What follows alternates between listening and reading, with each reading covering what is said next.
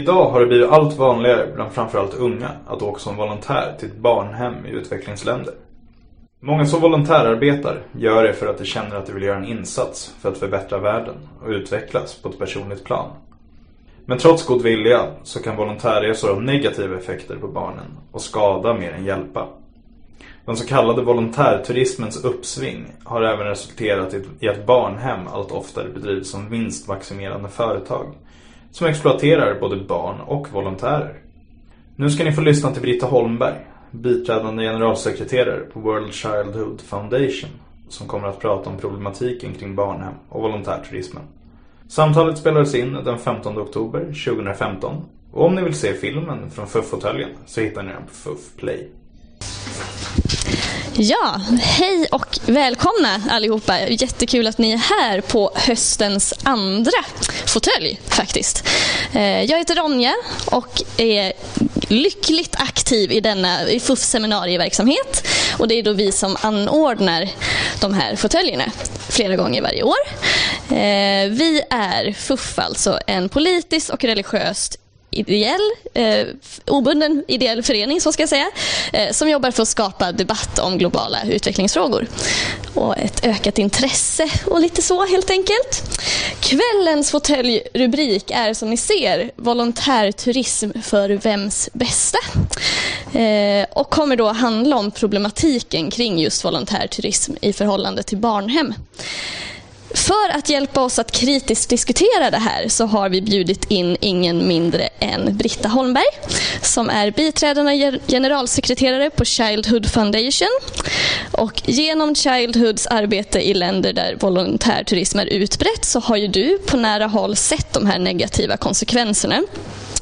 Eh, och ni har även i olika sammanhang redan varnat om de här, hur, de här riskerna som det innebär för de barn som redan är utsatta. Eh, och Britta kommer då att prata i 45 minuter ungefär. Eh, och sen så har vi ytterligare 45 minuters gyllene möjlighet att ställa frågor till henne och skapa en vidare eh, diskussion. Så ta den, det tillfället i akt helt enkelt. Jag ska bara nämna också innan vi kör igång att vi livestreamar via FUFs hemsida. Så sen när frågorna ska ställa så får ni jättegärna presentera er själva och prata i den här micken som jag kommer skicka runt. Så det är bara därför vi har mickar på oss idag. Men eh, vi kör igång, så varsågod. Det är bara att köra när du känner dig redo. Då kan du ta första bilden på en gång. Hur kommer det sig att så många som vill hjälpa barn i utsatthet i andra länder i första hand tänker på barnhem? Är inte det intressant? Och särskilt när man tänker på hur det, är för att det bara handlar om barn i andra länder. Om vi, om vi skulle gå till oss själva, om jag och min man skulle dö plötsligt. Inte skulle vi tycka att barnhem var en rimlig lösning för att placera våra barn. Jag skulle vilja att någon av mina bröder skulle ta hand om barnen. Eller någon nära vän som våra barn känner. Och om någon av er inte skulle ha råd att ha era barn i skolan eller ge dem tillräckligt med mat så tycker inte vi att barnhem är en rimlig lösning. Men när vi tänker på barn i andra länder då kommer det väldigt snabbt. Så vi kan klicka vidare på en gång. Och jag tror ni alla har sett de här rubrikerna. Det är ganska vanligt att man lyfter fram också barnhem som en väldigt positiv lösning. Och de som hjälper barnhem, nästa. Som någon som har gjort någonting väldigt bra. Eh, och nästa. Och det är också ganska vanligt förstås att kändisar på olika sätt visar sitt sociala engagemang genom att just åka till barnhem, starta barnhem som här systrarna Graf har gjort. Eller åka, ta med sig sina barn för att använda barnhemsbarn och deras utsatthet som ett sätt att visa för sina egna barn att det faktiskt finns de som har det värre och att man kanske ska vara lite tacksam. Eller vad det är. Mm. Eh, och så nästa. Och förstås Kardashians. Jag har också varit på ett barnhem. Här var en nyhet i, i våras där de besökte det här barnhemmet i Thailand och enligt uppgift då i media så ville Kim adoptera den här flickan som tackade nej faktiskt. Mm. Eh, men är det ett problem då? För man kan ju tänka sig att det kanske inte är det inte bättre att barn, det kanske inte finns några alternativ, är det inte bättre då att barn som annars skulle bo på gatan eller inte få tak över huvudet ändå får hjälp av de här? Är inte det någonting bra? Varför går vi ut och säger att man inte ska göra det här? Och ett av skälen är ju att vi vet att det ofta finns mycket bättre alternativ. Och också att, man aldrig, att det ofta är så att de inte ens prövas innan barnen placeras på barnhem. Så det jag tror efter att ha funderat på det här mycket, men vi ska fundera på det tillsammans tänker jag, så får jag höra om ni har några bra tankar också. Att mycket beror på ren okunskap, att man inte vet. Eh, men också lite grann att man kanske inte tänker efter. Och ganska mycket tror jag att det handlar om att man gör skillnad på våra barn och andra barn. Nästa. Eh, och jag har funderat på det här ganska länge och jag har också mm, på olika sätt jobbat med barn och familjer i utsatthet eh, internationellt ända sedan jag studerade. Och då jag faktiskt började som som tolk och lägerledare hamnade jag på det här i, på början av 90-talet efter Tjernobylkatastrofen. Jag vet inte om ni jag säga, känner till den, men det gör den. Men eh, när det var många barn från, från barnhem i Östeuropa som en del fick komma till Sverige för att andas frisk luft och så. Och äta ren mat. Och då var jag med på Dels på en del sådana läger i Sverige men sen så följde vi med en del barn eh, till till Ryssland och Vitryssland, eller Vitryssland och Ukraina och besökte de barnhem. Så jag gjorde det och såg hur det såg ut redan då. Och sen jobbade jag ett tag på Adoptionscentrum. Eh, och sen jobbade jag ganska länge på Socialhögskolan som hade en internationell enhet som jobbade mot Östeuropa för att utveckla socialt arbete med barn och familjer.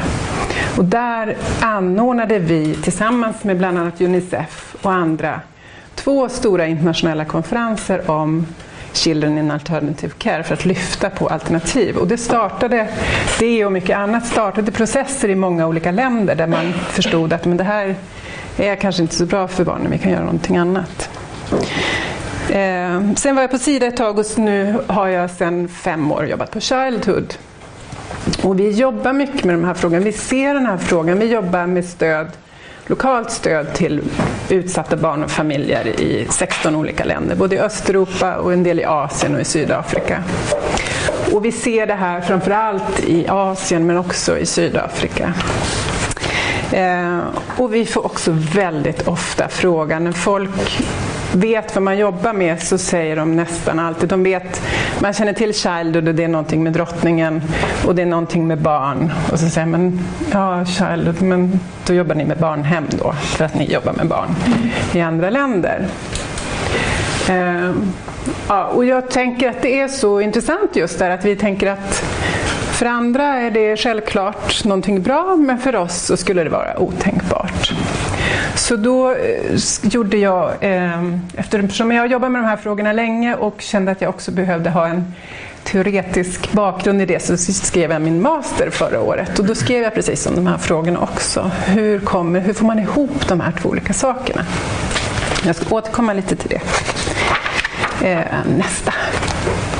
Eh, men vi måste ju alltid då, när man jobbar med barn och barns rättigheter, utgå från barnkonventionen. Och vad säger barnkonventionen om det här? Eh, I inledningen så konstaterar man att det viktiga och det är en förutsättning för att barn ska kunna eh, utvecklas som de ska är att de får växa upp i en familjemiljö. Det säger ingenting om hur familjen ska se ut, men en familjemiljö. Och nästa. Och så finns det flera artiklar som handlar just om att, att barn inte ska skiljas från föräldrarna om det inte är för barnets bästa. Och också att staten har en skyldighet att hjälpa föräldrarna i det. Och sen också just där om man behöver eh, hitta ett nytt hem så att i först, då ska man i första hand söka olika familjeplaceringar och först i sista hand titta på institutionsalternativ. Och nästa. Och det finns också riktlinjer som man har tagit fram för hur man ska eh, arbeta med omhändertagande av barn. Och de säger väldigt tydligt att institutionsplaceringar ska vara ett sista alternativ och helt undvikas för barn under tre år. Jag återkommer till det. Och också att fattigdom inte ska vara ett skäl till att man behöver omhänderta barn. Och varför, alltså grunden, bakgrunden till att FN säger så här, det är för att det finns väldigt mycket forskning faktiskt och har gjort det sedan, sen många år tillbaka. Första forskningen om, om institutioner kom på 30-talet eh, när man såg att barn som växte upp på de här väldigt stora barnhemmen, eh, en del faktiskt avled väldigt tidigt. Och av inte för att de inte hade mat och, och, medicin, men för att de inte hade, för att de saknade den här närheten till en vuxen. Och sen har det gjorts väldigt mycket forskning. Eh, och man har sett, och det, det, är ganska samställt. det är klart att det, forskning, man kan aldrig säga att all forskning säger exakt samma sak, men det visar i alla fall att att eh, uppväxt på institution både leder till fysisk eh, och psykiska och känslomässiga brister i utvecklingen. En väldigt viktig del är anknytningsproblem. Och det som, jag vet inte hur mycket koll ni har på anknytningsteorier, men det som det handlar om, och egentligen väldigt mycket av det här med, med barnhemsproblematiken handlar om att barn och särskilt små barn, allra särskilt spädbarn, de behöver en nära relation till en eller flera eh, vårdnadshavare, vem det nu är, som svarar på deras signaler, som kan som de kan spegla sig i och som man kan man utvecklas i samspel och det vet man väldigt mycket om. Och det är också det som gör att om man inte får det, om man inte har någon som svarar på sina signaler, någon som tar emot och, och finns där, då kan det faktiskt också leda till, till skador i hjärnan. Så om man inte är så intresserad av psykologi och tänker att det är lite flummigt och man är mer naturvetenskaplig så finns det också forskning som är viktig där. Som inte jag förstår mig så mycket på. Ehm, men och det man har sett med anknytnings... Med, om man inte får den här trygga anknytningen som man sällan kan få på en institution eftersom de ofta, de ofta jobbar i skift. Man kanske byter grupper när man blir äldre, så är det mycket i Östeuropa. Eh, och förstås volontärer, när jag kommer in på det. Om det byts, roterar personalen som tar hand om hela tiden, då kan man inte få den trygga anknytningen. Eh, vilket kan leda till en massa olika saker. Dels finns det någonting som heter indiscriminate friendliness, jag vet inte ens vad det heter, alltså urskillningslös vänskaplighet. Jag vet inte om det finns på svenska.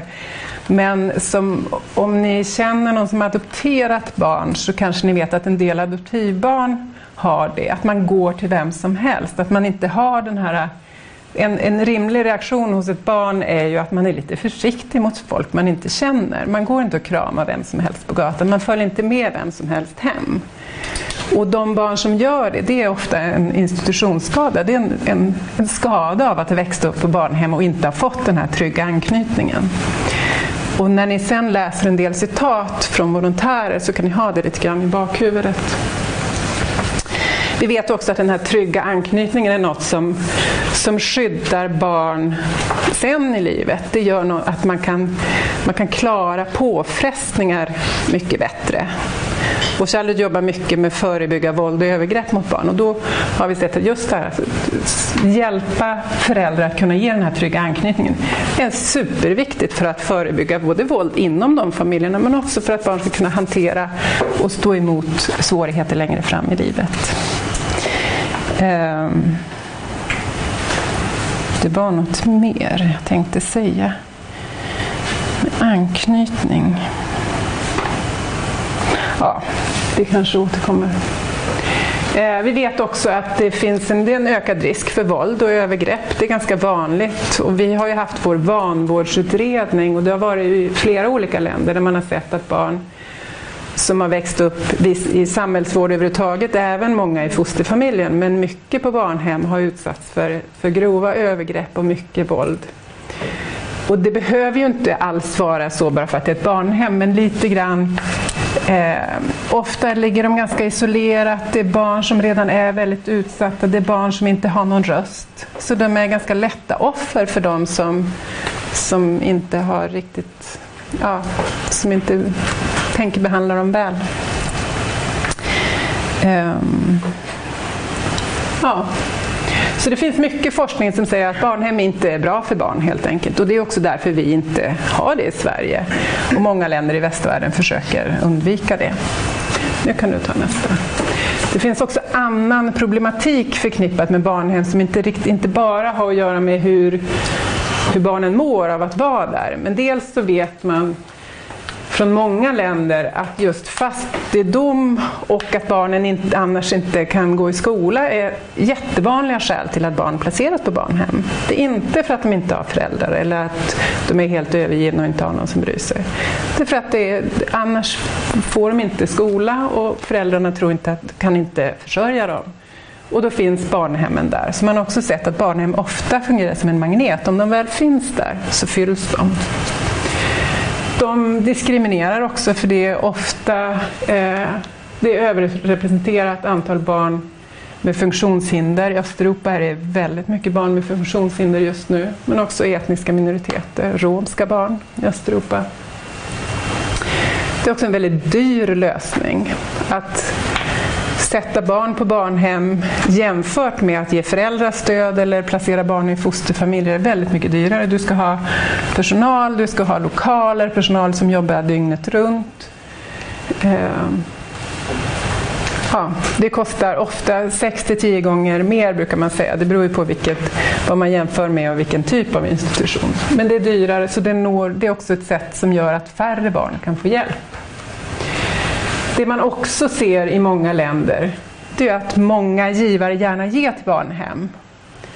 Men att det är mycket svårare att få pengar till föräldrastöd till exempel. Vilket också gör att, att resurserna blir snedfördelade.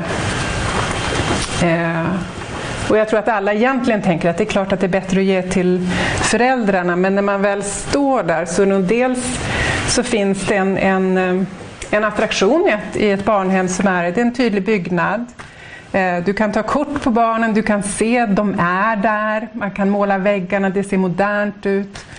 Och om då alternativet är att ge pengar eller pengar som på något sätt stödjer kanske fattiga familjer som pratar ett språk du inte förstår, det är kanske smutsigt eller du tänker att de kanske slår barnen. Och så det, det, det är svårare för många, särskilt för privata givare som, som eh, vill att deras pengar ska göra direkt nytta. Då väljer man ofta barnhem.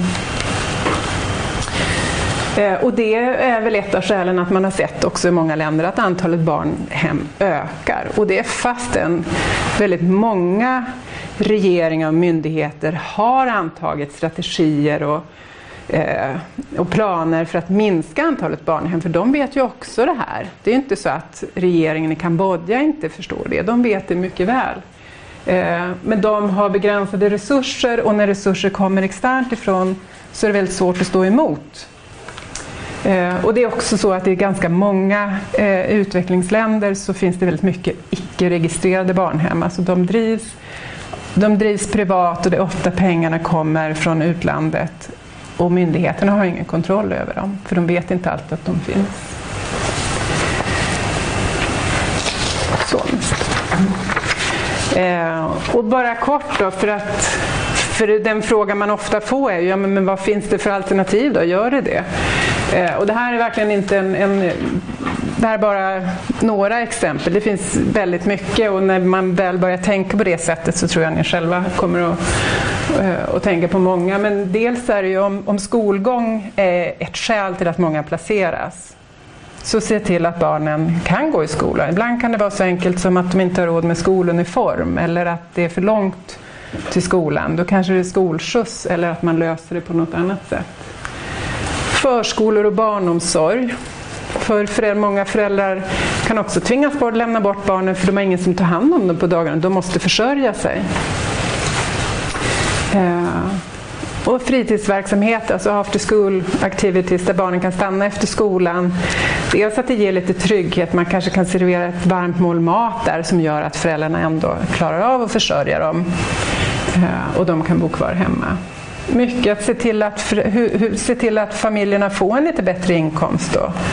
Eh, Och det kan vara att hjälpa till med småföretag eller att de köper grisar till dem som de kan föda upp eh, och sälja. Det gör vi till exempel i, i Thailand har vi flera projekt som bland annat gör det som en del i mycket annat.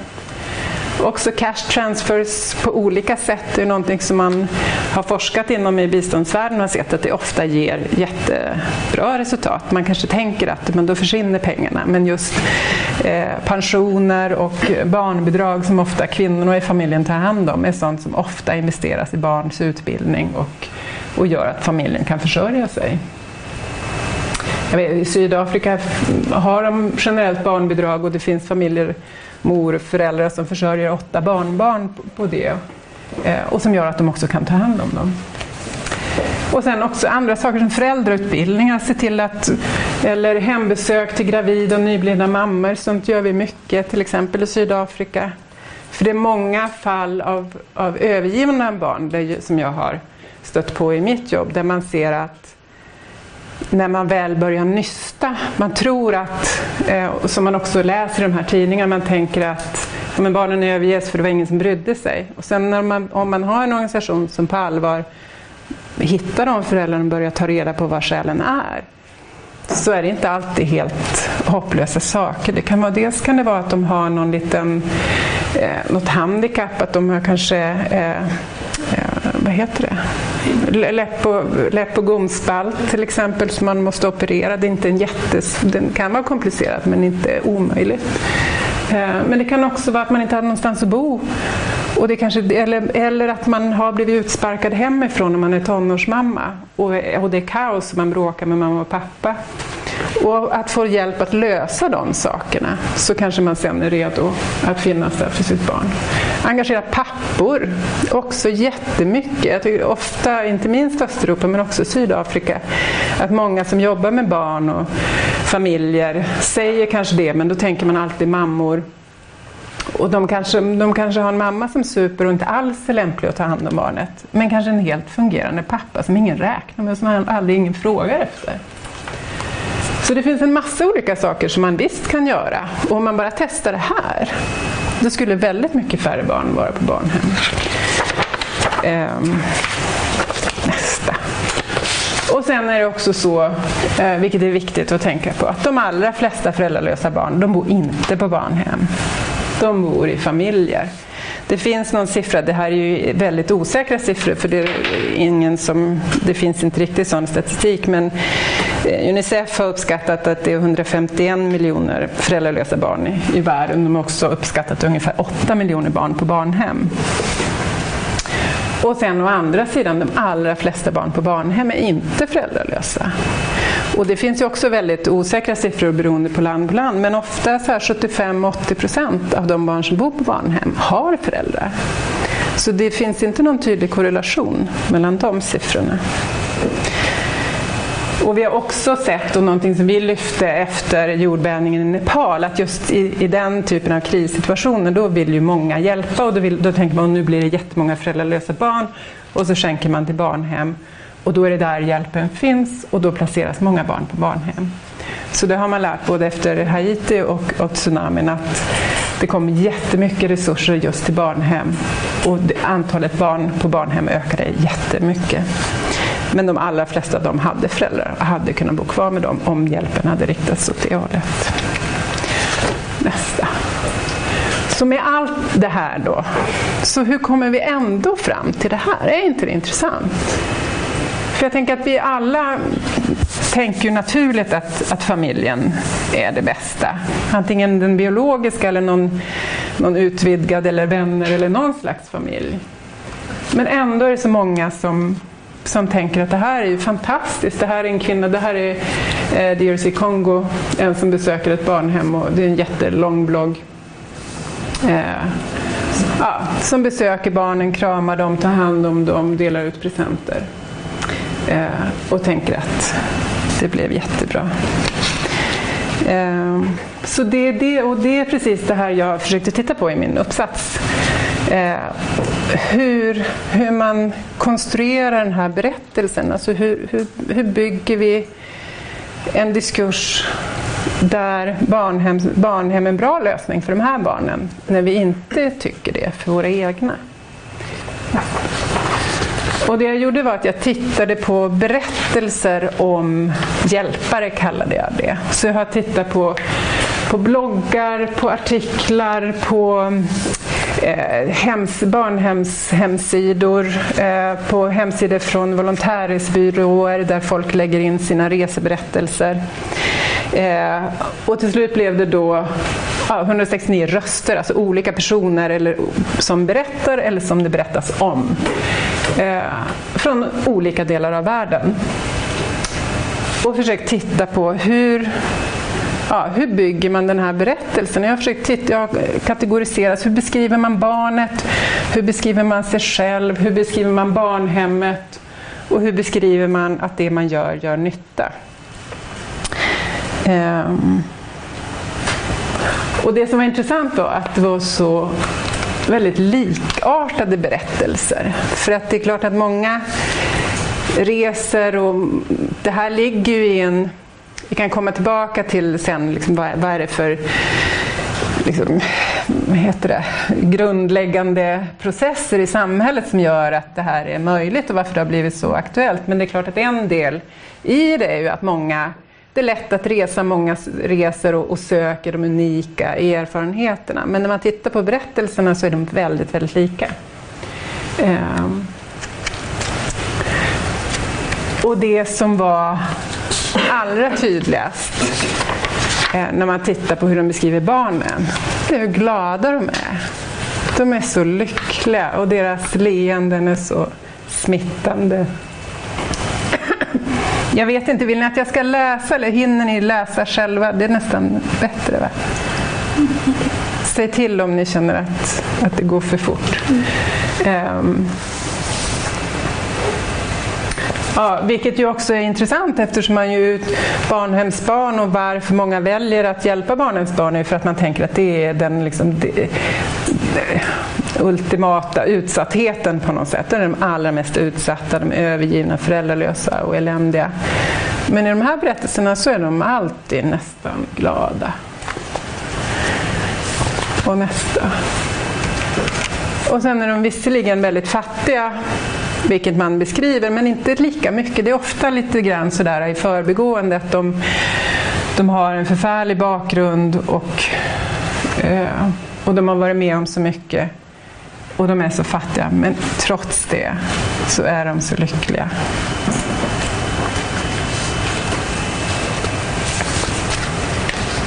Och det här återkommer också på olika sätt. Man tror att it looks like they need everything but they can be happy with nothing. Det kan man också ha i, i bakhuvudet och fundera på vad betyder det när vi säger så.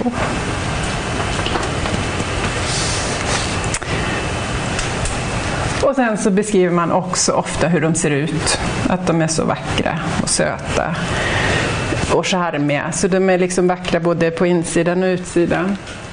Vilket är också intressant om man tänker att om man själv tänker och den erfarenhet, vi, ja men det man vet ändå om, om, det, om det här är övergivna barn, barn som har det fattigt och barn som, eh, som kanske har varit, är traumatiserade så kan man ju tänka att det naturliga vore att de inte var jätteglada och uppförde sig väldigt bra hela tiden. Man skulle kunna tänka att de var ledsna eller arga eller trotsiga eller har en massa beteendeproblem eller så. Eh, eller var misstrogna, manipulerande, vad som helst. Men det är de nästan aldrig i de här berättelserna. Nästa. De är också väldigt tacksamma och duktiga i skolan. Och det, det kan låta som att jag liksom ironiserar här. Nu ska jag bara se. Men ehm, de, för de, de som åker som volontärer på barnhem, det uppgifterna man får är ju ofta leka med barnen, ta hand om barnen, sköta personliga hygien och sånt, men också undervisa. Eh, och då eh, är de ofta väldigt duktiga och flitiga och inte som barn eh, i våra länder som gnäller och är otacksamma. Nästa. Eh, och när man pratar om vilka behov de har så är det inte så mycket fattigdomen och just det här materiella utan det är kärleken och närheten. Och det är också någonting som man volontär, som volontär kan tillgodose. Nästa. Eh, så det är många som pratar om att man känner att, att man verkligen gör skillnad, att man finns där. Det är så tydligt det här eh, behovet av, av, av kärlek och, och, eh, ja, och närhet. Om man tänker tillbaka på det här med den här urskillningslösa vänligheten så är det ju så väldigt många barnhemsbarn beter sig när det kommer främlingar. De kommer och kramar och liksom vill inte släppa och sådär. Och det är klart att då känner man att jag, jag ger det här. Och nästa. Och det många också säger, så dels säger de att det här var otroligt givande eh, men också att det påminner dem om vad som var viktigt i livet. Dels att det materiella är inte så viktigt utan det är annat, att man kan vara glad för det lilla. Och ofta att det är familjen som är det som betyder någonting.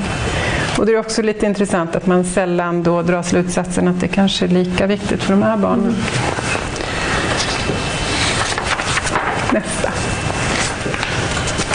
Det som var intressant var att eh, föräldrarna var så påfallande frånvarande. Det var väldigt, väldigt få av alla de här rösterna som överhuvudtaget nämnde föräldrarna och varför barnen var där. Man nämner, eh, ofta är det bara så allmänt övergivna eller barnhemsbarn och så förstår man att de inte har någon. Eh, men i några fall så gör det det, då nämns de och då förstår man att de, eh, och då är det ofta faktiskt att de också nämner att föräldrarna är för fattiga. Så att en del förstår att de har föräldrar men är för fattiga. Eh, men, men det är väldigt sällan, eller aldrig i det som jag läste som man reflekterade över att kanske skulle de kunna flytta tillbaka om de föräldrarna eller familjen fick hjälp. Utan de alternativ man i så fall reflekterar kring det är att eh, ja, hamna på gatan och, och misär. Och nästa. Ja. Så det man kommer fram till på något sätt eh, ofta i slutsatsen är att barnhemmet är som en stor lycklig familj.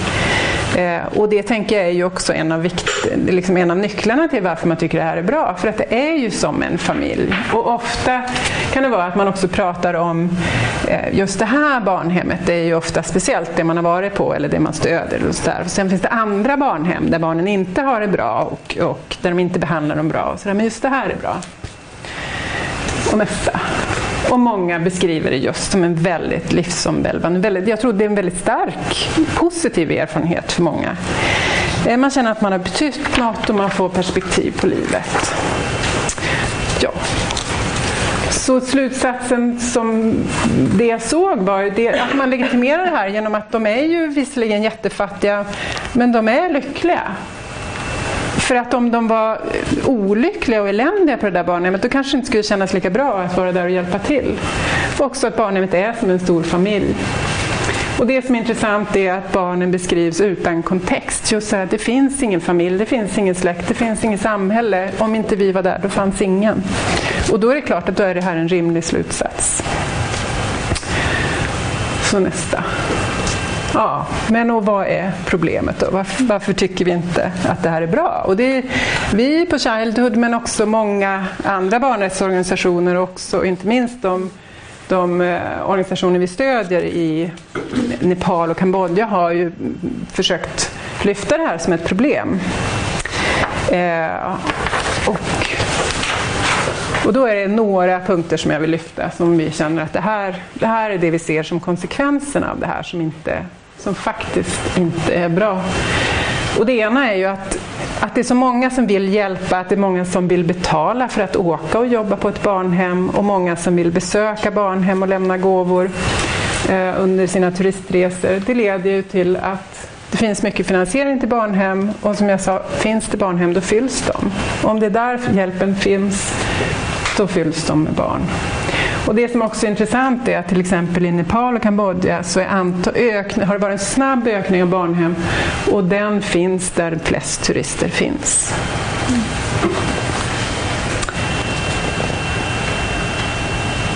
Ja, vi kan gå vidare. Uh. Det här är citat från en rapport som Unicef gjorde tillsammans med Kambodjas socialdepartement. Där man intervjuade föräldrar och givare eh, och beslutsfattare eh, ute i byarna om deras syn på barnhem. Och det det visade väldigt tydligt var dels att, att väldigt många tyckte att, att barnhem var en rimlig lösning eh, om barnen behövde utbildning och inte kunde lösa det på något annat sätt. Eh, och att många, eh, väldigt många placeras på grund av fattigdom.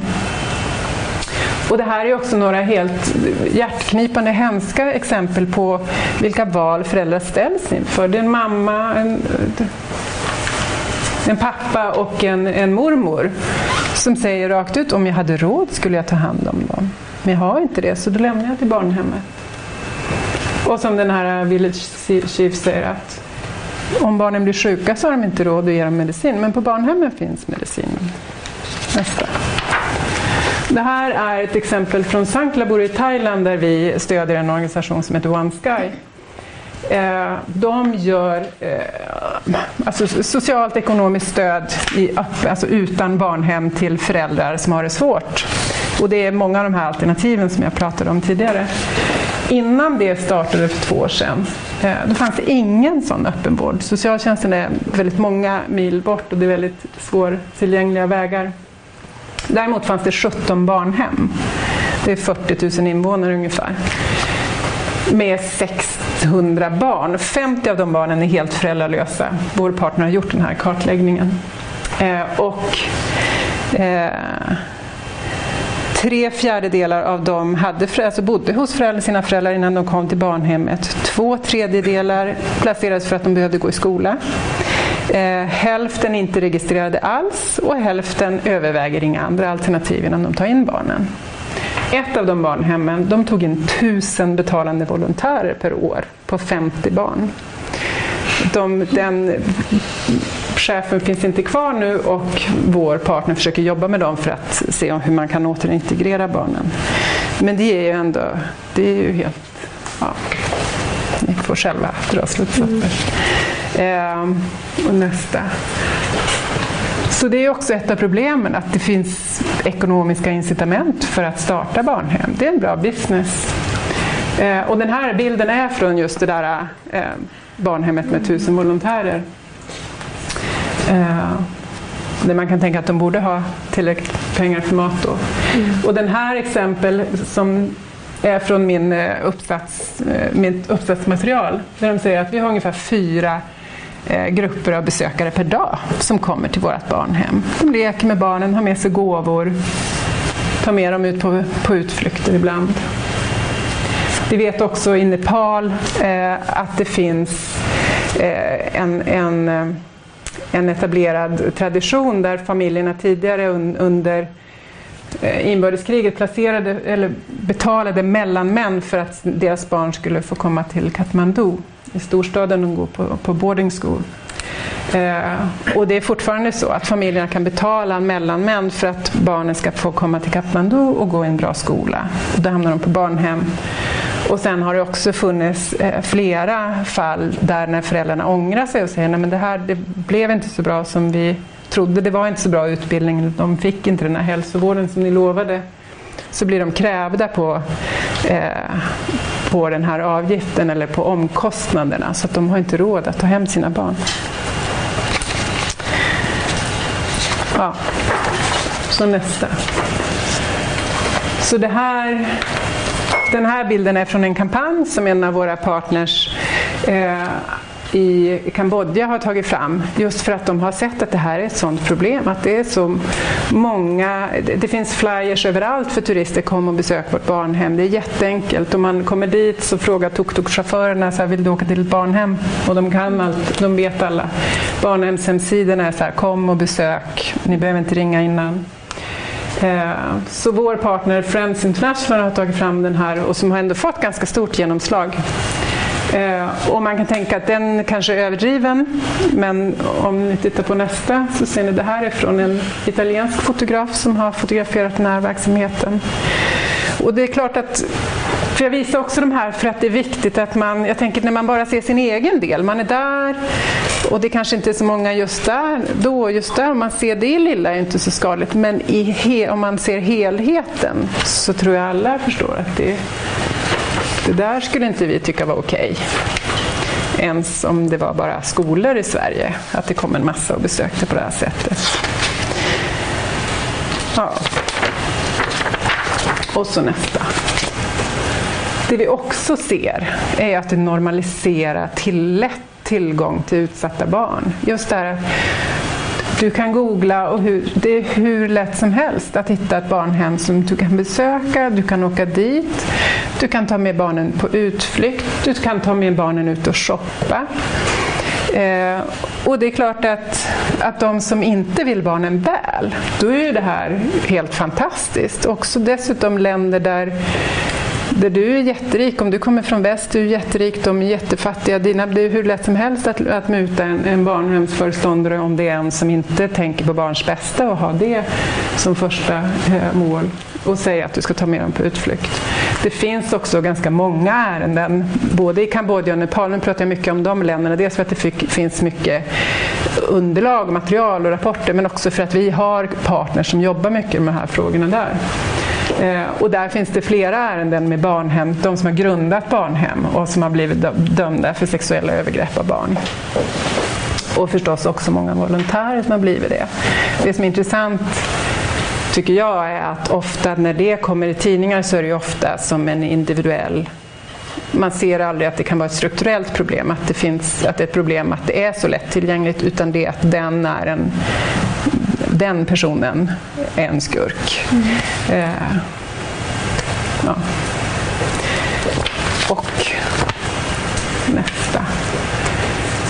Det vi också ser, och det jag såg i mitt material och det vi ser, det är att man kopplar ihop det här med kärlek och gåvor. Och det är klart att man lär, vad lär man barnen?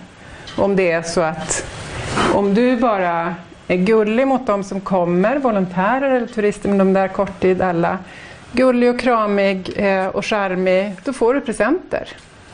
För det får de. Så barnen kopplar jag väldigt tydligt ihop där. Det kommer volontärer, då får vi saker. Eh, och det, igen, om man tänker på de som vill utnyttja det här så, så, är ju det, eh, så ökar det risken för barnen.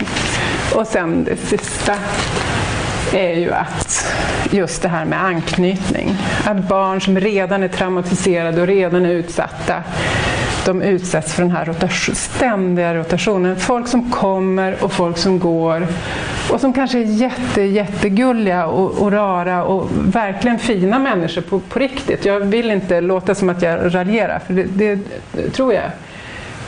Men det är klart, om du hittar en sån och då kanske någon annan slår dig och den här människan är jättesnäll och, och förstår mig och bryr sig verkligen. Sen försvinner den igen. Vad säger det till de barnen? Och så hade vi någon slide om anknytning. Ja, det här är bara så här just om man tänker på det här med, med den här äh, o-indiscriminate friendliness. Hur att, det, det är väldigt um, man ser alltid det som något positivt, att barnen kommer och kramar, jag kom in genom dörren och då kommer de skrikande och kramar mig. Det är aldrig någon som riktigt reflekterar över att det kanske inte är en helt sund reaktion hos ett barn. Och sen ett sista citat eh, vill jag visa, och det här är också från mitt material till min uppsats, som är bara, det här är en volontär, det här är från en barnhemshemsida där den är jättelång och det är, alla är väldigt entusiastiska och de är jätteduktiga och tänk vad bra barnen har det. Och så är det en volontär som beskriver att han, hon tror jag, följer med en grupp av barn till den ö de kommer ifrån, de flesta på Bali. Och där träffar de föräldrar, släkt, hela släkten, kusiner, mor och farföräldrar, bröder och systrar och tar emot dem. Alla är så glada att se dem och hur fantastiskt det är att de får komma hem. Sen åker de tillbaka till barnhemmet. Och slutsatsen hon drar, och inte bara hon utan alla andra som fortsätter på den här hemsidan, det är inte så här, hur skulle vi ha kunnat gjort så att de här barnen skulle kunna flytta tillbaka till sina familjer där de, verkligen, där de verkar ha sådana som, alla de som bryr sig om honom. Om dem. Utan slutsatsen de drar det är, tänk vilken tur de här barnen har som har hamnat på vårt fina barnhem. Mm. Ja. Tack! Tack! Precis i tid. Ja. jag provsitta ja. den här fina fåtöljen. Precis, den är ju tänkt att ja, sitta precis. Fantastiskt! Kul! Ska vi släppa in lite publik kanske? Ställ nu alla möjliga frågor så skickar vi runt den här micken helt enkelt. Jag sätter mig. Någon har Alltså jag har mm. Jag heter Maj-Lis Koivisto och jag undrar bara hur ni ser på till exempel SOS Barnbyar mm. och sådana organisationer. Eh, SOS Barnbyar är ju väldigt ehm, eh, lite knepig fråga. Jag, både och skulle jag, jag känner att jag vill se. Eh, SOS är en jättestor organisation. Jag tror att många tänker på barnbyarna när man hör dem och de har det. Det finns problem skulle jag nog vilja säga och har framförallt funnits mycket problem i hur man har arbetat. Att en del av det här har absolut gällt och kanske gäller fortfarande också SOS Barnbyar. Men de jobbar också mycket med alla alternativen. Det är inte riktigt lika tydligt i kommunikationen och jag tror inte minst för att det eh, det som går hem när man tänker fundraising, då är det barnbyarna. Det är det folk vill ge till. Men de gör väldigt mycket annat och jag tror det finns en, eh, en medvetenhet, absolut i SOS Sverige, de som jobbar med program vet absolut det här och håller med. Men det, det, är också en gammal organisation med mycket tradition. Så det ser väldigt ut, olika ut i olika länder vet jag. Ibland är det väldigt integrerat i samhället och jättebra. Ibland tror jag att det är mer tveksamt.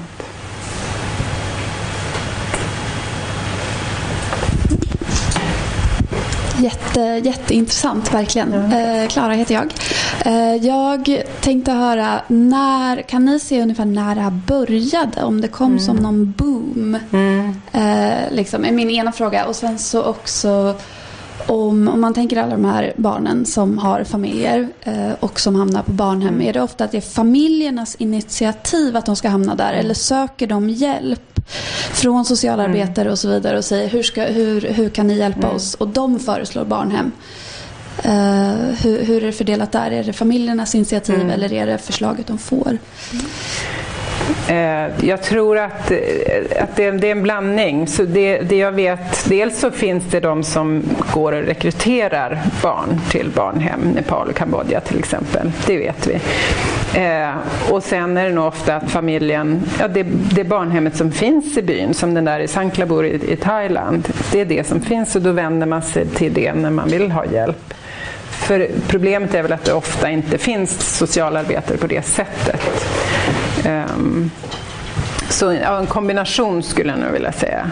Um, och sen när det har, det har ju växt eh, mycket på senare år och jag tänker att det det finns, det finns ingen absolut statistik. Det finns någon siffra från 2008 på att det var 1,8 miljoner barnhemsvolontärer eller om det var volontärer per år. Men det där är så, det, det är så totalt oreglerat. Många åker genom volontärresebyråer som jag har hört den här kritiken förstås. Alla, de håller inte med alla, men de vet. Eh, men sen är det också väldigt mycket som sker direkt. Man volontärer rekryteras på gatan av barnhemmen och, och andra. Eller att man kontaktar dem direkt genom hemsidor och sådär. Så det är hela, hela liksom sociala media-boomen är, är ju väldigt nära förknippad med det här förstås. Mm. Så mer än så har jag inte.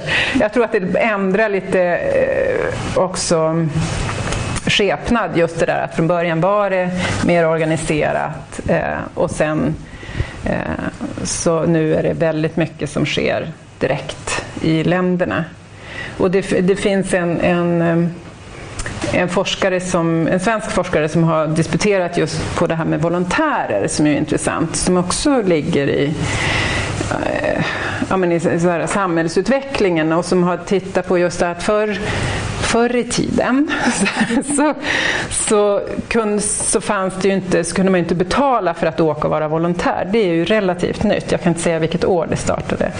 Men då, var det, då fick man ju gå via organisationer som typ den här eller via Forum Syd eller via någon. Man fick gå via etablerade frivilligorganisationer. Och då, de tog ju inte vem som helst och du kunde inte åka på kort tid, du kan inte åka om du inte har någon relevant utbildning eller relevant erfarenhet. Eh, så du kanske måste vara beredd att då investera i att skaffa dig det innan du kan åka. Men nu lever vi ju i en tid då eh, då man är van att kunna göra vad man vill, man, man är van vid valfrihet, man är van vid att kunna eh, förverkliga sig själv. Eh, och att då och då var det väl smarta resebyråer som fattade att här finns det en marknad, att folk, det är väldigt en, en attraktiv erfarenhet som många vill ha. Eh, och att det kanske började som de som genuint ja, men vill jobba med de här frågorna, vill ha det på sitt CV och sen har det liksom utvecklats till att, att det är en så här kul grej för många också.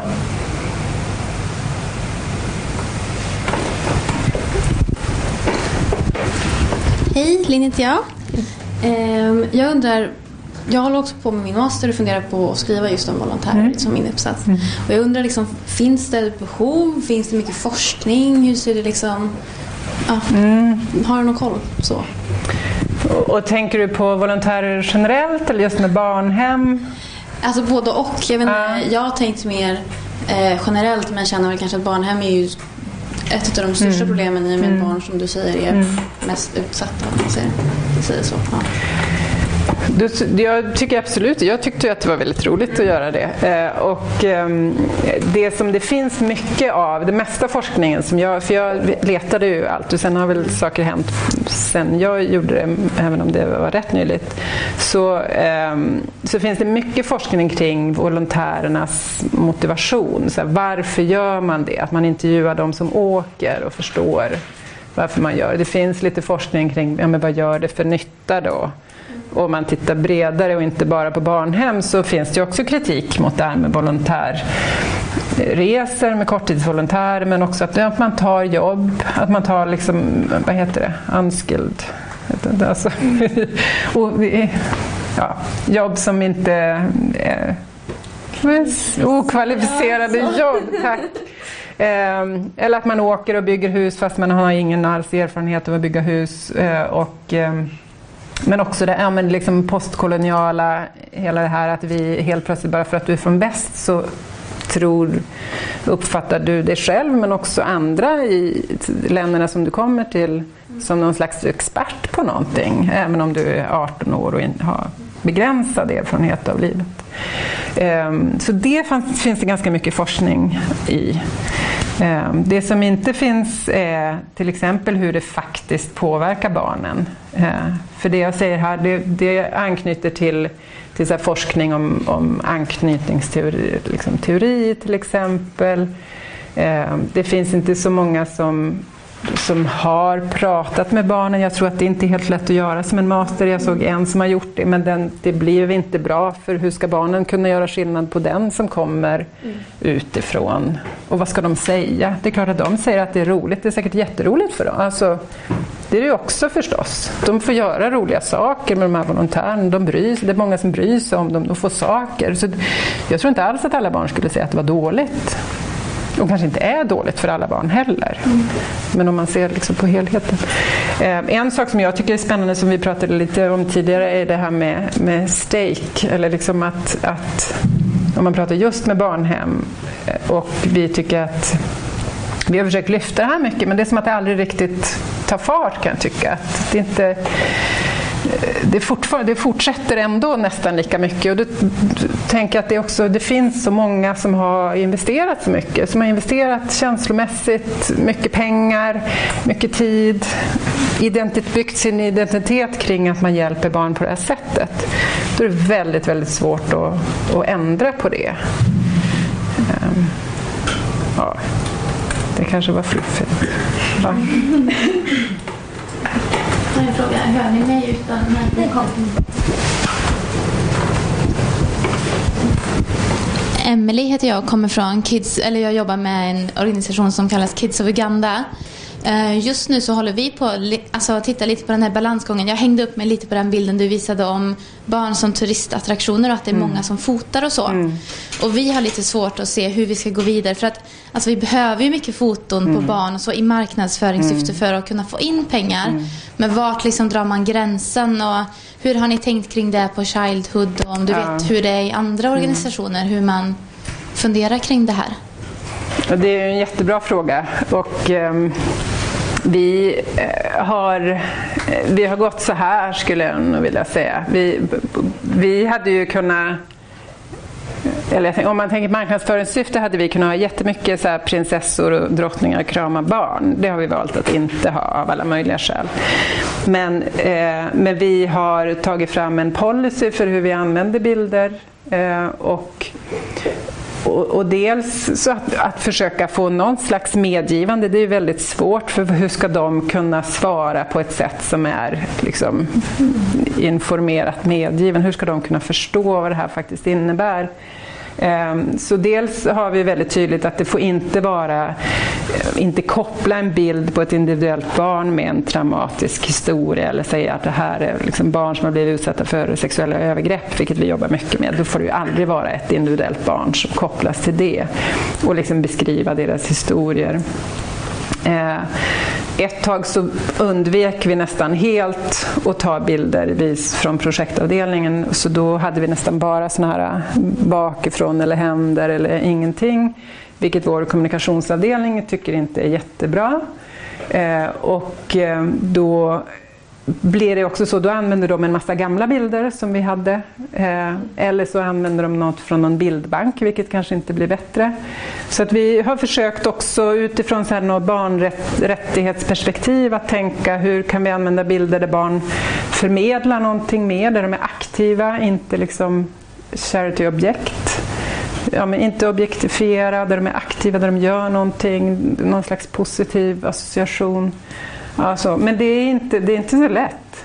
Det är en jättesvår balansgång. Jag fortsätter då. Jag, kom, jag heter Jessica, jag kommer också från Kids of Uganda. Och vi jobbar väldigt mycket med just fosterfamiljsverksamhet och att försöka ge till familjer som tar hand om barn och som på något sätt är besläktade med barnen men inte har möjlighet att ta hand om dem om de inte får hjälp. Eh, Men då har vi problemet istället att, precis som du nämnde, att det är väldigt konkret att ge till ett barnhem. Det känns som att man vet vad pengarna går till. Eh, Vi har ju då istället problemet, vilka familjer ger vi till? Ja. Vilka är mest behövande? Ja. Hur prioriterar man de här olika behoven, om det är skolgång eller sjukdom? Eller hur, eh, hur tänker ni kring det? Alltså, det är ju så fruktansvärt att säga att man ska prioritera kring, bland Ja, men man behövande. måste ju för man har begränsade Precis. resurser. Ja. Eh, ja, men jag hoppas att ni har någon slags någon liksom, eh, utbildade socialarbetare liksom någon som, ja, och som gör då individuella bedömningar. Att man också tittar på vad finns det i, i närsamhället, vad kan finnas annat som inte ni behöver göra och som man kan länka till. Um men det, finns, alltså för det, det är klart att det finns ju också jättemycket utmaningar med fosterhemsplaceringar. Det är inte så att allt är, är löst bara för att man placerar ut barn i familjer utan det är ju jätteviktigt att man följer upp just att man ger dem stöd. Eh, så det är väl jättebra att ni gör det. Jag vet inte riktigt hur... Det är svårt, är väl liksom svaret på det. Och att det är viktigt att man gör bedömning från fall till fall men också att ni har en egen strategi, att ni tänker igenom det är det här vi kan göra, det här är vi. Sen, vi kan inte göra, vi kan inte göra allt, vi kan inte hjälpa alla. Och att, så att man håller den linjen, för det är också någonting som vi gör mycket med de, organisationer, de små organisationer vi stödjer, för att det är lätt att man hamnar i så här, ja, men, och det här och nu är det det här och då måste vi göra det här och då börjar man svika folk till slut. Då blir det inget bra. Jättebra, tack. Ja.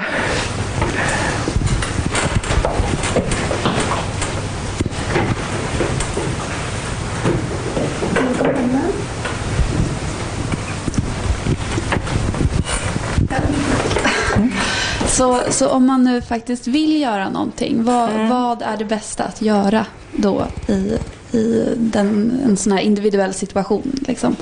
Om, man inte, om man vill göra någon skillnad. Men du tänker om man vill... Ja, jag. Om jag till exempel vill, vill, vill hjälpa till på något nu sätt. Nu pratar du inte ge pengar? Eller? Ja, eller om det är det mest mm. användbara för er. Hur, hur, hur är er syn på det? Vad har ni mest användning för? Ja, ja, men då tycker jag nog, för vi ger då stöd till lokala organisationer i, i olika länder. Så det är ju de man tänker på då. Och då eh, är det, det är ofta det är pengar.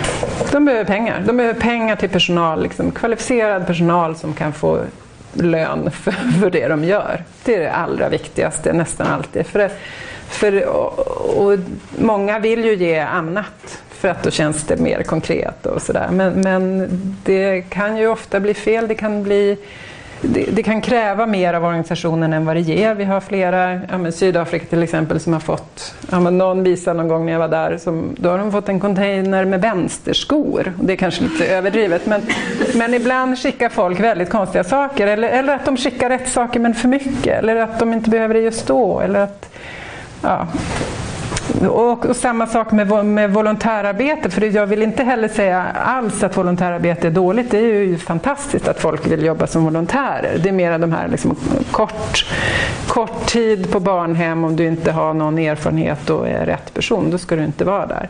Men eh, men det finns ju utrymme för att vara volontär naturligtvis. Men, men då, för det kräver ju också ganska mycket från organisationerna. Alla kan inte ta emot det. Så att vi, för vi får förfrågningar från folk som vill vara volontärer i någon av organisationerna vi stödjer. Och då säger vi alltid att vi kan inte jag hänvisar aldrig någon, utan då får de söka direkt. För det kan också vara svårt för dem att säga nej till oss, för vi är en givare. Om vi ber dem om någonting, då vill de gärna säga ja. Så vi måste vara försiktiga med vad vi ber om. Och alltid säga att det måste vara upp till dem och de liksom definierar vad de har för behov.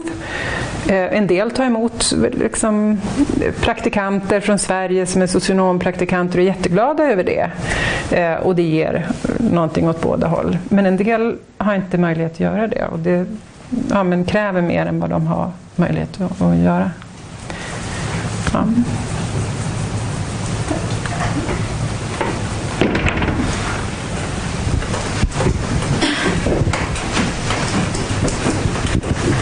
Ja, hej. Malin heter jag. Eh, jag undrar väl snarare i och med det här postkoloniala som du mm. nämnde. Eh, när det är en sån positiv förstärkning på medier kring folk som åker iväg som volontärarbetare. Mm. Både att man för det första har betalat för att åka mm. iväg och sen att man är där och gör den här goda gärningen för hjälplösa barn. Mm. Vad tror du att det betyder för den världsbild som, som man har i Sverige? Ja, exakt. Tänk att du svarade på det lite grann själv. Nej, men det ligger ju jättemycket i det där. Alltså vi ska, om, om man vänder på saker. Eh, om man tänker, skulle vi tycka det här var okej med våra barn? Eller skulle vi... Ja, skulle vi tycka att en, en som inte har byggt hus förut skulle komma och bygga mitt hus? Nej, tack. Ehm, och, eller skulle vi tycka att liksom rika kineser skulle komma och ta våra barn, dagisbarn på utflykt utan att fråga? Nej, det skulle vi inte tycka var bra. Men av någon anledning så reagerar vi inte. Och det ligger, det ligger absolut en massa så här ja, de är annorlunda eller ja, de har andra behov eller de, där finns det inga alternativ. Jag tror det är mycket det, att man tänker att det är det bästa för det finns inget annat. Ja, jag, jag vet inte, jag blir jättefrustrerad över att, att media, som ju ändå är ofta borde tänka kritiskt, inte gör det i de här frågorna. Inte alla, en del gör det. Jag har följdfråga. Mm. Um, jag såg, när jag alltså letade praktikplatser och sånt där så gick jag in på Sida som har en sida där de eh, rekommenderar olika. Mm. Och då finns det ju typ volontärbyrån.se finns ju med mm. bland dem. Mm. Och lite sådana och liksom mm. verkar inte ha gjort någon sån här typ av analys. Mm. Vet du, alltså hur kommer det sig? Eller Jag vet, jag tänker att det kanske är en så enkel lösning. att de behöver hänvisa till någon och där, där finns det platser. Ställning, liksom. Jag kan inte svara på det, jag vet inte.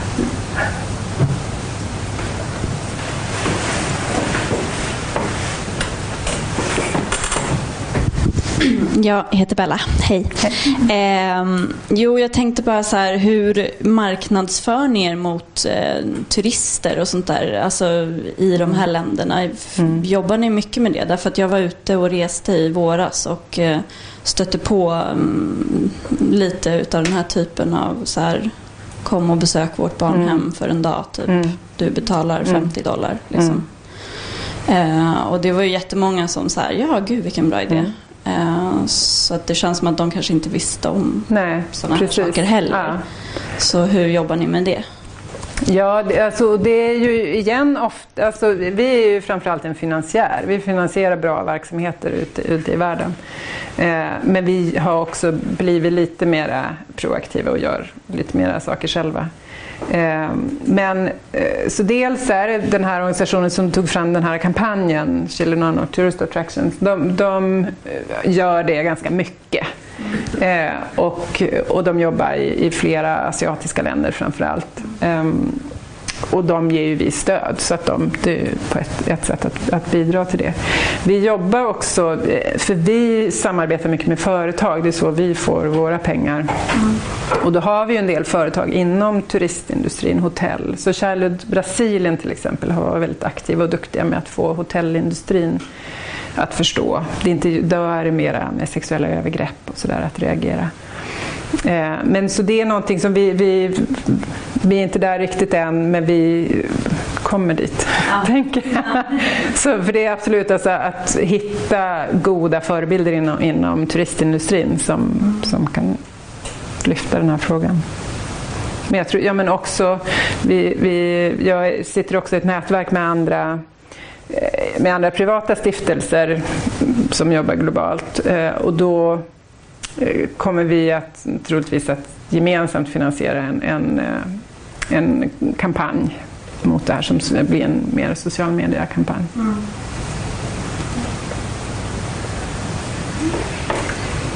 Jag har två frågor. Mm. Den första är, jag tänkte fråga om ni har blivit påverkade av de här korruptionsskandalerna som var för några år sedan. Med du tänker att, Röda Korset? Ja, eller? precis. Mm. Och om det liksom ställs mer krav på er att man vill se vart ens pengar hamnar mm. någonstans. Det är den första. Och den mm. andra frågan tänkte jag fråga om man kan läsa din uh, uppsats någonstans. Ja, gärna.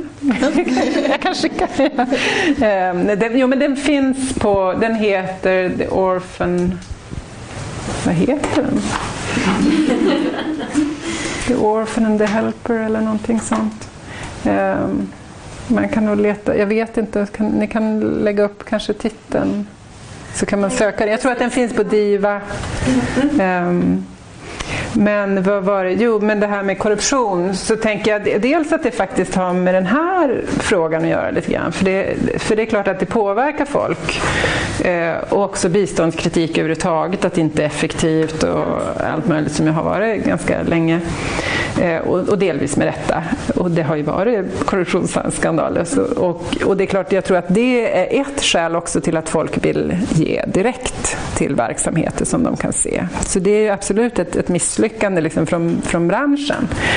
Ehm, men, eh, och ehm, just det, om vi har blivit påverkade. Vi, nu tappar jag bort mig för det var någonting jag tänkte. Om det ställs mer krav? Ja, just det. Ja, men och det tänker jag, det har egentligen inte jag tror det här med korruption och att folk, också att många ju pratar om, om det här med, med administration. Det går så mycket till byråkrati och administration. Det vill man inte ge till, så därför vill man ge till sådana som jobbar direkt eller ett barnhem eller, eller eh, annat. Eh, fast man inte riktigt ser att en del av det här med byråkratin och administrationen är ju till exempel för att följa upp pengarna och se till att de inte går till fel saker och att jobba och ta reda på vad som faktiskt behövs. Så att man, Eh, så. Eh, men och sen eh, känner jag nog inte, det, det finns absolut ett ökat tryck och efterfrågan på resultat och vad saker leder till, vilket jag tycker är helt rimligt. Ehm, och, och ena, till en viss del, så vi jobbar jättemycket med det, men, men då jobbar vi eh, mycket med att försöka få de organisationer vi stödjer att utveckla ett bra liksom, resultatuppföljningssystem. Alltså, vi ligger på dem mycket, men hur vet ni att det här faktiskt gör skillnad? Hur följer ni upp det på ett systematiskt sätt? För då kan ju vi i vår, vår tur sen återredovisa det som en helhet. Men ehm, Jo, för att jag, jag, var också på Sida under tiden när det här liksom resultatagendan, jag vet inte om någon av er kommer ihåg, men när Gunilla Carlsson var var biståndsminister, hon tryckte ju jättehårt på det och för att biståndet inte hade kunnat leverera resultat. Vilket å ena sidan tycker jag är helt rimligt och det behövs göras mer så för att man har gjort mycket bistånd just utifrån tanken att, att det räcker med en god idé eller det räcker med att jag vill väl och då är det bra. Och det, så är det ju inte. Det finns en massa saker som inte alls är bra. som man behöver följa upp för att vi behöver veta vad våra skattepengar till och andra pengar går till. Eh, men å andra sidan så kunde jag känna då i alla fall att ja, vi på Sida och biståndet, vi kräver av små HBT-organisationer i Sierra Leone att de ska kunna redovisa hur det de har gjort har gjort resultat. Men Skolverket, ja de kanske kan för de har betyg, men liksom Naturvårdsverket i Sverige, kan de det? Nej. Och om man tittar på vår återrapportering om, om barnkonventionen till exempel, så rapporterar man, alltså Sveriges regering, så rapporterar man väldigt mycket på aktiviteter. Det här är initiativ, aktiviteter och sånt. Om man tänker i biståndsresultat, då räcker inte det. För vi vill ha effekter. Det kan inte vi i Sverige kan inte rapportera på det. Så att, ja. Jag känner det och jag, tycker, jag håller med, jag tycker det är viktigt men det är också komplicerat.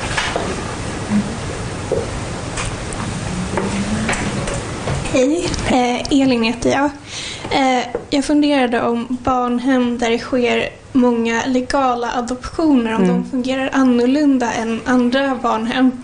Eh, och sen så tänkte jag också på det där som du berättade om att det på vissa barnhem, eller kanske många, går att eh, som, som utomstående besöka och eh, i, i någon mening ta med barnen utanför själva, själva barnhemmet.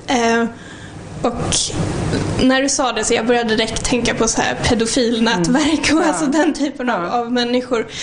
Um, och även om jag självklart förstår att, att övergrepp är ett väldigt eh, dolt problem både där och här så eh, har ni någon slags uppskattning på liksom, hur, hur utbrett den typen mm. av problem är när det gäller just barndoms eller vad säger barnhemsbarn? Nej, e- egentligen inte. Alltså det enda man, det man vet är ju att eh, det man vet i forskningen är ju att de som vill förgripa sig på barn, de söker sig till ställen där det finns mycket barn. Det har vi ju sett här också. Och de söker sig till barn som är liksom skyddslösa på olika sätt. Dels att det inte finns vuxna anhöriga eller att barnen själva inte riktigt kan sätta de gränserna. De liksom känner in det där. Eh, och, och då är det klart att, att barn på barnhem är ju en självklar måltavla. Gatubarn, barn på barnhem, absolut. Och det är också därför vi jobbar mycket med det på Childhood. Men det, jag har inte någon statistik. Och det, ja, det är för det man kan titta Problemet är ju också att man, ja, men det man kan titta på är ju egentligen dömda i så fall. Alltså fall som har gått till, till, till dom. Eh, och det finns ju inte jättemånga. För att det, ja, det ser vi bara på sexuella övergrepp här, att det är väldigt många som inte döms. Så att det, tyvärr. Och det här med, med adoptioner, det, det, kan jag inte svara på. Det borde vara så, alltså, om det är legala adoptioner till Sverige, då bör det vara ett barnhem. Dels är det ett registrerat barnhem då, annars går det inte. Eh, och då, för det finns ju en ganska tydlig eh, tillsyn på adoptioner. Så att det, det, borde vara barnhem där de, har, där de till exempel inte släpper iväg barnen hur som helst. Och så Men jag har inte någon djupare kunskap om det.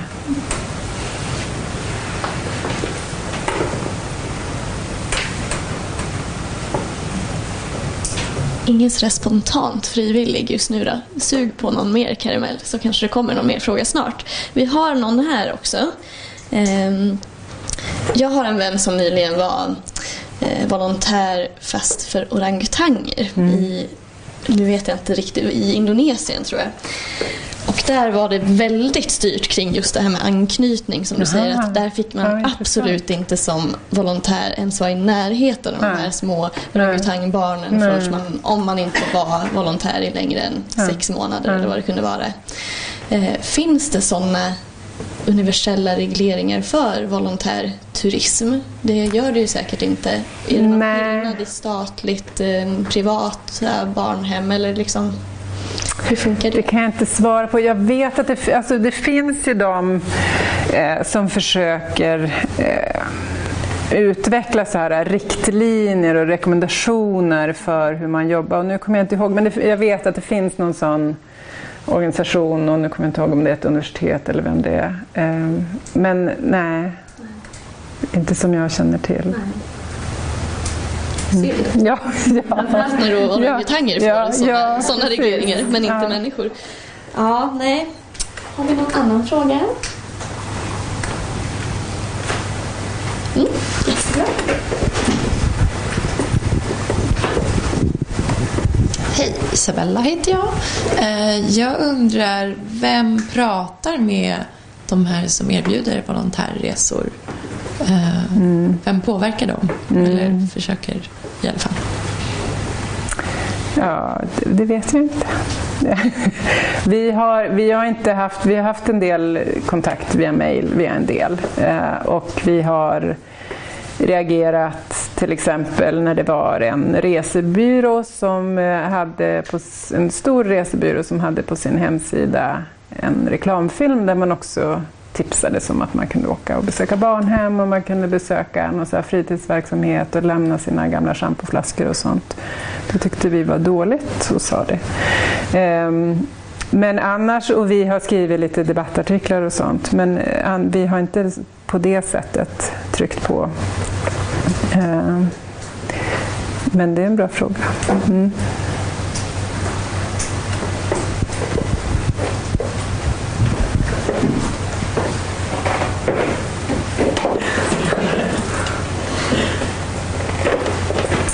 Jag tar en fråga till då. Eh, Du nämner, nämner att de här volontärresebyråerna ändå är medvetna om det här i många fall, eller vissa fall. Eh, Hur svarar de på sån här, sån här kritik? Gör de det eller var, vart syns det här? Alltså, det, har, dels var det ju för något år sedan, om det var två år sedan, så var det två reportage i Kaliber i radio. Jag vet inte om ni hörde det. Eh, Där de skickade ut eh, en reporter som, eller dels så ringde de först till volontärresor jag tror att det var, nej det var Projects Abroad tror jag. Ja, I alla fall en volontärresebyrå. Eh, och frågade om man kunde, dels var de, ringde de som journalist och frågade så här, kan man åka, vad är det som gäller? Och då var det ju väldigt strikt och utdrag ur polisregister och sånt där och man måste vara en viss tid om man ska jobba med barn. Sen ringde de som inte journalist och då var det helt annorlunda. Eh, och sen så skickade de en också eh, som åkte som volontär till Kambodja och han skickade inte in något utdrag från polisregistret, det var aldrig någon som frågade efter det. Och han blev lämnad ensam med barnen eh, första dagen eller andra dagen eh, på barnhemmet. Eh, och då, sen så konfronterade de ju naturligtvis dem. Och nu kommer jag inte ihåg, jag, tror, jag kommer inte ihåg exakt hur de reagerade för jag tror att de sa typ att den där partnern skulle de inte jobba med mera eller något sånt. Eh, men det- jag har hört, dels, jag kan tänka jag tror att en del har ändrat, att man kanske inte har barnhem längre utan man har annat. Eh, men eh, men en del, det svar jag har fått i de dialoger jag har är ju att ja, men vi ser till att det är bra barnhem och de behövs ändå för det fin- ja, men de barnen har inga alternativ. De behöver verkligen vara där. Så det är bättre än inget. Det är också, ja. Förstår.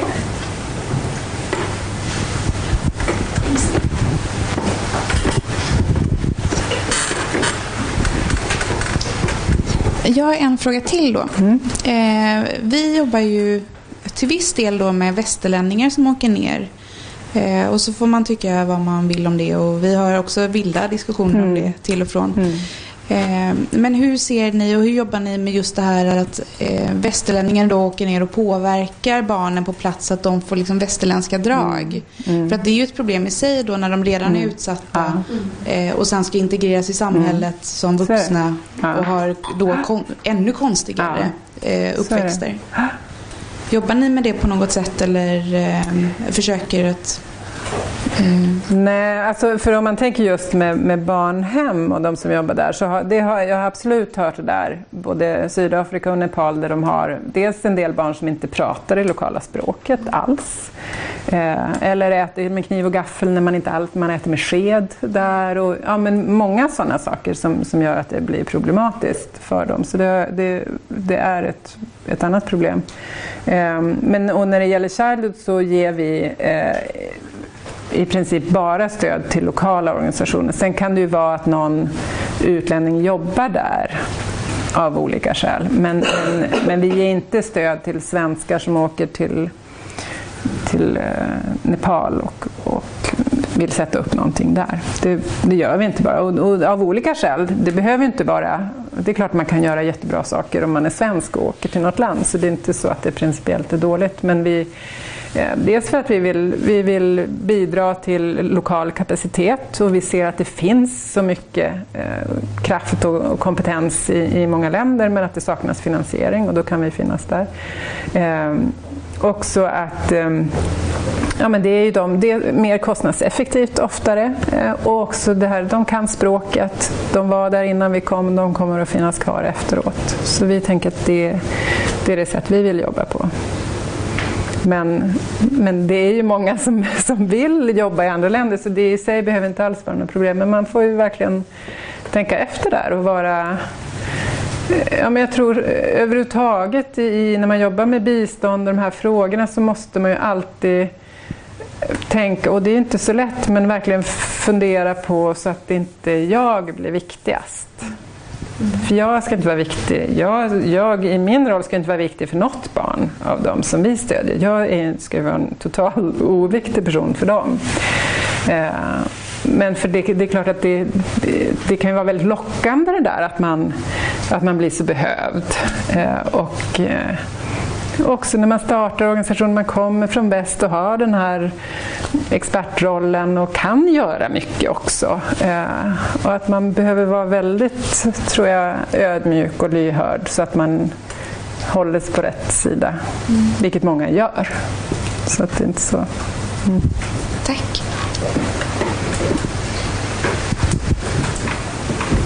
Ja, jag har en fråga. Eh, Lotta heter jag.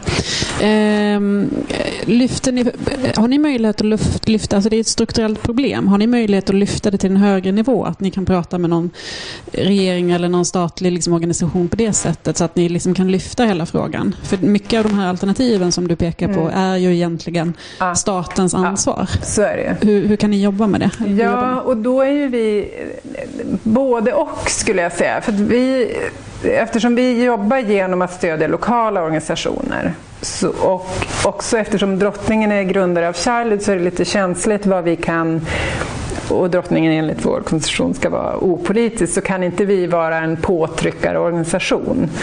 Eh, men däremot så eh, så jobbar ju vi, alltså så ger vi stöd till lokala organisationer som tar fram bra modeller på alternativen. Eh, och som en del av dem, de jobbar med advocacy och påverkansarbete mot sina regeringar. Eller lokala myndigheter. Och då kan de ibland använda oss när vi kommer på besök. För vi besöker varje projekt två gånger per år. Så vi, är där, vi har ganska nära kontakt. Eh, och då kan de att, att få en utifrån som kommer på besök kan vara ett bra, eh, ett bra, en bra ursäkt för att boka ett möte med någon borgmästare eller eh, socialdepartement eller någonting och då kan vi liksom tillsammans lyfta frågor. Men det är inte, vi är inte liksom några hårda påtryckare för sånt utan då finns det andra, ja men det gör ju Rädda Barnen och Unicef och så som gör det väldigt mycket. Jag, jag tänker på eh, att eh, alltså inom andra delar inom turism så jobbar man till exempel med ekoturism. Mm. Där man kan lyfta upp och visa att bergsgorillorna är mer värda levande än döda Ja. till exempel.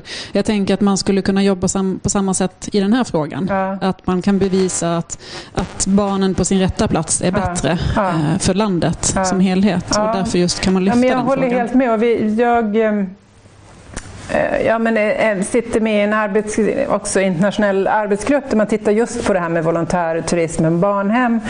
Och där uppgiften har varit att försöka dels försöka öka kunskapen om att det här inte är bra eh, och varför, men också försöka lyfta alternativen. Och det har vi ju, det, vi hamnar ju i att det är jättesvårt. För det finns inget som är lika liksom emotionellt givande skulle jag nog säga, förutom kanske små lejonungar och sånt. Men det, är liksom, det, det finns inget som är lika fantastiskt. Jag tror inte det. Alltså om, om du är ute efter den här personliga bekräftelsen, du, du kommer inte få folk som vill göra det här om det handlar om att du ska ja, göra något mer strukturellt eller så. Så det är ganska svårt.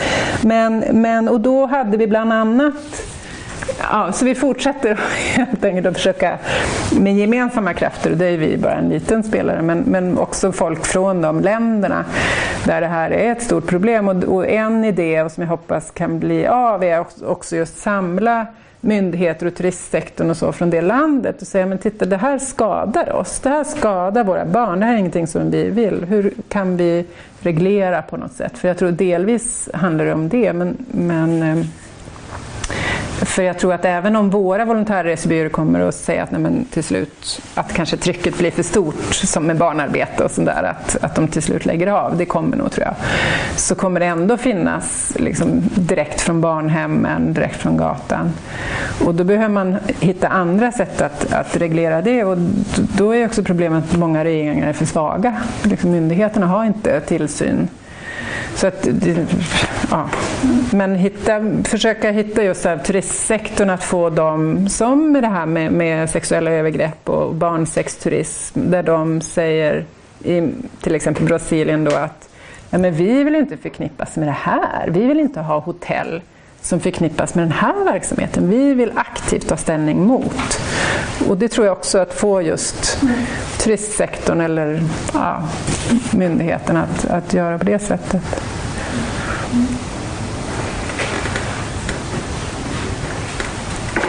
En sista jättekort fråga. Det börjar bli väldigt ont om tid. Men en sista bara då med koppling till barnkonventionen som du nämnde. Så är det ju tydligt att det brister på många punkter i förhållande till volontärturismen. Så, eh, skulle det, är för det första den ratificerad i sådana här länder och skulle det ens hjälpa? För det är ju mer ett ramverk än lag. Ja. Jag vet, jag vet inte. Alltså, den är ju ratificerad. Alla har ju skrivit på utom USA nu. Så att, ja, jag, jag vet inte om det, om det hjälper på det sättet. För, det, och det- för många av de länderna har ju så, ja, men barn svälter, barn dör av infektionssjukdomar. Det är klart att då kanske inte det här är det som de känner är den viktigaste överträdelsen. Då tror jag att vi får börja avrunda faktiskt, tyvärr. Efter en väldigt spännande och aktuell fåtölj, tyckte jag i alla fall. Och säkert många andra också. Eh, Men först så vill ju vi såklart få tacka dig Britta som, på, som tog dig tid att komma hit och som på ett väldigt engagerat nästan frustrerat sätt berättade om den här frågan. Eh, Och då får du gå härifrån Ja, spatserandes med en ny väska och inne i den så ligger det en liten eh, nödproviant ifall att promenaden är för lång. Så, så en liten choklad. Ja, toppen. Tusen Tack tack. så hemskt mycket.